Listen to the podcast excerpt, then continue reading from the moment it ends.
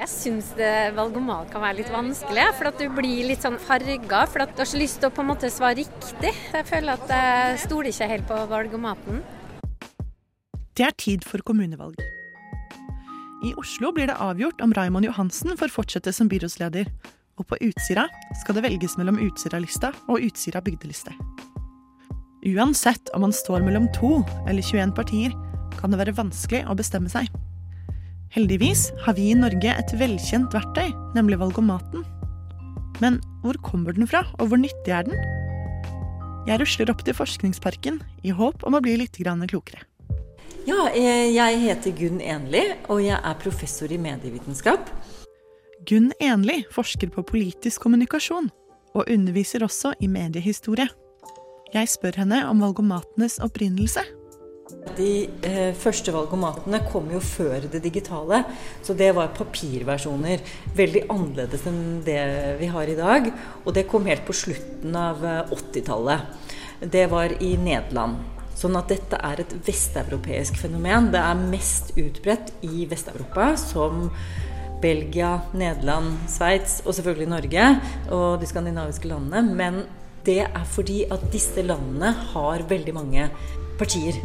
Mens hvis vi ser på USA, hvor politisk kommunikasjon er jo Det er der mye kommer fra, og vi tenker liksom Hva gjør de i USA? Men der har de jo bare to store partier. De vil ikke være så mye underkategorier å forholde seg til som det vi har, da. Men i hvert fall historien var før internett og før det digitale, og dreide seg om papirversjonen. Men det første digitale, som ligner mer på det vi kjenner i dag, det kom på slutten av 90-tallet. Og det, det var også i Nederland. Vet vi noe om hva slags effekt valgomatene har? Nei. Eh, valgforskningen eh, finner jo ikke effekter av noe særlig. Det er veldig vanskelig å se et én-til-én-forhold mellom en valgomat og et valgresultat. Fordi det, det, vil alltid være så innmari mange ting en velger får av impulser. Hvis du skulle gjort et forskningsprosjekt på dette, så måtte du jo isolert et menneske og bare tatt valgomat. Ikke sett på noen andre TV-programmer eller radio eller lest noe. Ikke snakket med venner. Det sier seg selv. Det er veldig uetisk. Så dette har vi ikke gjort, da. Men vi vet jo allikevel at all type påvirkning kommer inn i en pott, en felles pott. Og dette er jo med på det. Det som er funksjonen til valgomaten, det er jo ofte å gi litt informasjon og korreks og sette det hele i perspektiv. Og mange tester jo stemmer det at jeg skal stemme på Arbeiderpartiet. Stemmer det at jeg skal stemme på Høyre? Å nei, det stemte ikke, så tar det en gang til. Eh, men disse valgomatene går jo på veldig konkrete spørsmål. De går sjelden på sånn overordna ideologi, sånn syns du alle skal få like goder osv. Det, det er mer sånn konkret hva syns du om den og den saken. Vil du ha økt barnetrygd, eller vil du ikke? Vil du ha lavere priser på kollektivtransport, eller vil du ha hyppigere avganger? Og det er jo valg som man må tenke litt konkret på. Og i de konkrete valgene så vil du få et svar som eh, kanskje du ikke alltid er helt fornøyd med. For dette var ikke det partiet du trodde du skulle stemme. Og da vil du eh, i liten grad følge valgomaten slavisk. For å finne ut mer om spørsmålene i valgomater traff jeg en som har jobbet mye med å utforme dem. Jeg heter Arne Aas Christiansen, og jeg jobber eh, som eh, politisk journalist eh, i Aftenposten. De siste to årene har jeg jobbet med Oslo-politikk primært. Mens Arbeiderpartiet stuper på meningsmålingene både nasjonalt og lokalt i Oslo, melder NRK om at Raymond Johansen er målt til å være den mest populære kandidaten for å lede byrådet. Vitner dette om en sammenblanding av nasjonal og kommunal politikk? Kan valgomatene være med på å tegne opp et skille? Altså, det er jo et lokalvalg. Det er jo politikerne i bystyret vi skal velge nå. Så vi har forsøkt å Altså når vi skal velge spørsmål, så er det først og fremst de spørsmålene som, som avgjøres i Oslo som vi, som vi er opptatt av. Men det er også noen unntak. F.eks. har vi tatt med spørsmål om Ullevål sykehus, eh, som jo primært avgjøres eh, nasjonalt. Eh, men fordi det er en såpass viktig sak for veldig mange i Oslo, og fordi også Oslo, de politiske partiene i Oslo har vært sterkt inne og, og jobbet for, for, sine syn her, så har vi tatt med det. Og et par andre spørsmål også, f.eks. russpørsmålet om Oslo skal ha sin egen rusreform.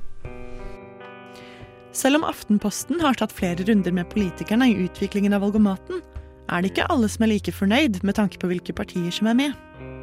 Simen Bondevik, tredjekandidat til bystyret i Oslo for partiet Sentrum, publiserte tidligere i sommer et innlegg der han kritiserer Aftenpostens valgomat for å ikke ha med flere av småpartiene. Det som er litt synd, er at hans, han bygger argumentasjonen sin litt på at vi har tatt utgangspunkt i stortingspartiene. Eh, og det har vi ikke gjort. Vi har tatt eh, Alle partiene som er representert i bystyret i Oslo i dag, er med i valgomaten. Det har vi vært opptatt av. Det var en bevisst, eh, bevisst avgjørelse som vi måtte diskutert i forkant. For f.eks. For er det jo et parti som Altså Bompengepartiet, som var veldig viktig i valgkampen i, i 2019. Kom inn med fire representanter. Men som vi knapt ser igjen på meningsmålingen i dag. Da kunne man jo argumentert for at de ikke skulle vært med, men, men eh, det ville på en måte vært en litt eh, rar avgrensing. Eh, så, så, alle partier som er med i bystyret, er med i valgomaten. Og så, så skjønner jo jeg at han som representant for et uh, nytt parti, som ønsker å etablere seg og få en plass på den politiske scene, syns at det er frustrerende uh, å ikke komme med. Men det er en mer sånn liksom praktisk avgrensing som, som vi har valgt redaksjonelt. Jeg spør professor Enli om det samme. Det er jo en redaksjonell forenkling, og som kanskje man ville gjort annerledes hvis det ikke hadde vært redaksjonene som gjorde det, men hvis det var et analysebyrå eller akademisk tenketanke eller en eller annen universitet eller noe sånt som gjorde da, som, som, eh, som, det gjøres i andre land. Det kan hende, men det, men det er jo noe med å opprettholde det populære i dette. Og det vil nok jeg mene at det er positivt med en viss grad av forenkling. Altså det, Hvis man gjør det for vanskelig for folk, eller for liksom, mange partier som du aldri har hørt om, eh, så blir det vanskelig. Og da måtte det jo være lokalavisene som hadde laget dette tilpassa til lokalvalgene.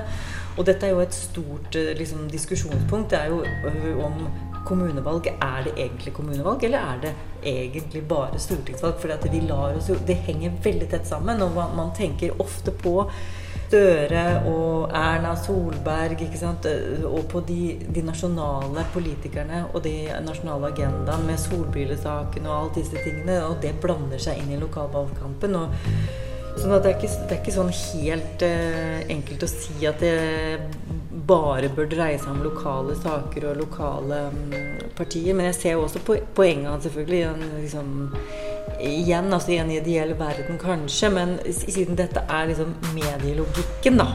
Politikken kommer nå i møte med en medielogikk, og da, da vil medielogikken kreve at du må kutte noen hjørner. Men det finnes ett mediehus som er så ressurssterkt at alle partier og lister skal med. Eller det er muligheter for alle, om du vil. Det får du høre om i del to. Og så er også Radionova her for å gjøre opptak til sendingene sine. Opplysningen. Vi er der det skjer. Opplysningen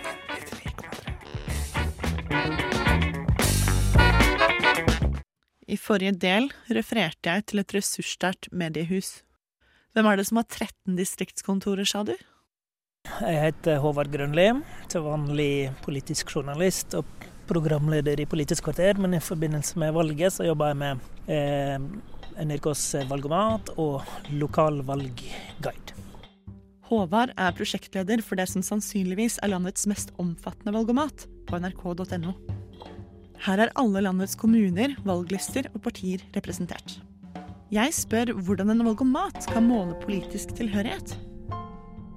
Europeisk politikk blir jo gjerne analysert eh, ut fra liksom ulike akser som eh, uttrykker liksom interessemotsetninger i et samfunn. Eh, det som folk flest kjenner som den, den viktigste aksen, er jo liksom høyre-venstre-aksen i politikken. Sant? Man ser eh, Man tenker på venstresida i politikken, og man tenker på høyresida i politikken, som ofte står mot hverandre. Det, det er Jonas Gahr Støre eller Erna Solberg.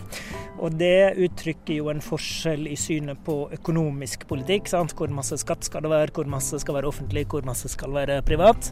Og det er på en måte den mest definerende skillelinjer da, i norsk politikk. Våre valgomatspørsmål eh, tar hensyn til det, og så stiller vi mest spørsmål som egentlig handler om høyre-venstre-aksen. Men så er det andre, andre interessemotsetninger som blir speila i politikk, f.eks. der økonomisk vekst står mot naturvern eller miljøvern. Innvandringsaksen er jo altså, Partier har streng eller liberal innvandringspolitikk på ulike sider av høyre-venstre-aksen. sant? KrF er mer enig med SV i innvandringspolitikken de er i økonomisk politikk, f.eks. Så det spør vi om. Og så spør vi en del type verdispørsmål, liksom om man har tradisjonelle eh, verdier eller eh, verdier som er mer liberale, da. Eh, F.eks. type syn på kjønn er en sånn type spørsmål. Uh, ja, hva har jeg glemt da? Sentrum og periferi er jo en sånn problemstilling som var veldig tydelig i forrige valg, der Senterpartiet gjorde det veldig, veldig bra og var en type distriktsopprør i Norge. Der det interesser uh, i distriktet står mot interesser i byene. Så i sum da så sørger vi for å ha en valgomat som spør spørsmål til alle som tar den, som berører alle disse områdene. Og da mener vi at vi, når vi klarer det, da måler vi godt. Så var det dette med de konkrete spørsmålene igjen. Et av spørsmålene jeg fikk da jeg tok NRKs valgomat, var om jeg likte store veier jeg kunne kjøre fort på.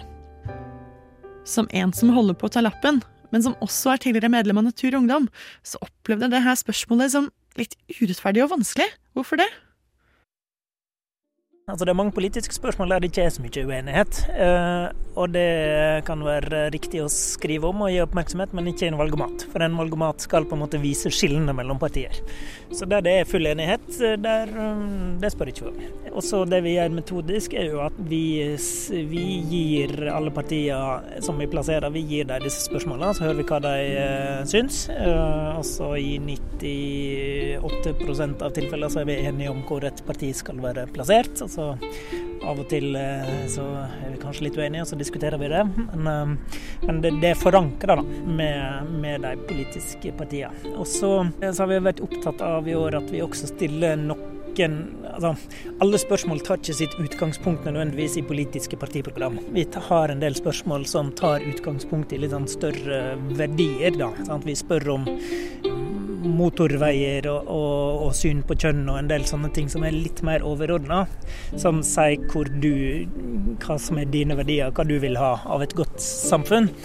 Eh, og så har vi utfordra partiene på å plassere seg sjøl på de skalaene der. Og det har sikkert gjort litt vondt av og til eh, for noen av dem, men eh, vi har klart å plassere dem uten, uten stor konflikt.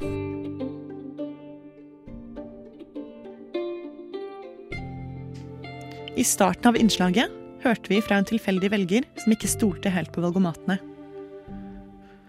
Og da er det heller ikke sikkert vi skal gjøre, iallfall ikke blindt. Jeg lar Håvard Grønli få det siste ordet. Jeg er opptatt av at eh, folk eh, bør ta valgomater. De bør ta flere. Eh, og de, selv om jeg så klart mener våre best, men, men, de er litt ulike, og det tror jeg har stor verdi. Og så er jeg veldig opptatt av at folk skal ikke tenke at en valgomat er en fasit. En valgomat er et innspill. Og det som en valgomat ikke måler, er jo f.eks. i hva grad har du tillit til et parti, og liksom, i hva grad tror du på personene som stiller til valg for, for de partiene. En valgomat måler politiske eh, standpunkter på, på, saker og verdier, men den måler ikke alltid politikken. Så du skal ta valgomater, men du skal eh, ta det med forsiktighet. Du skal ta med det som et råd før du stemmer. Reporter i denne saken var eh, Amalie Sundby, og musikken er hentet fra Blue Dot Sessions. Nå kjører vi på med litt mer eh, musikk. Her får du Ringa Tiger, Hørlurar og Solodans.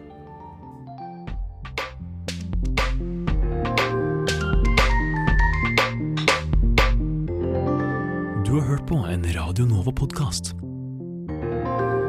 Du finner flere podkaster i din foretrukne podkastavspiller eller på vår hjemmeside radionova.no.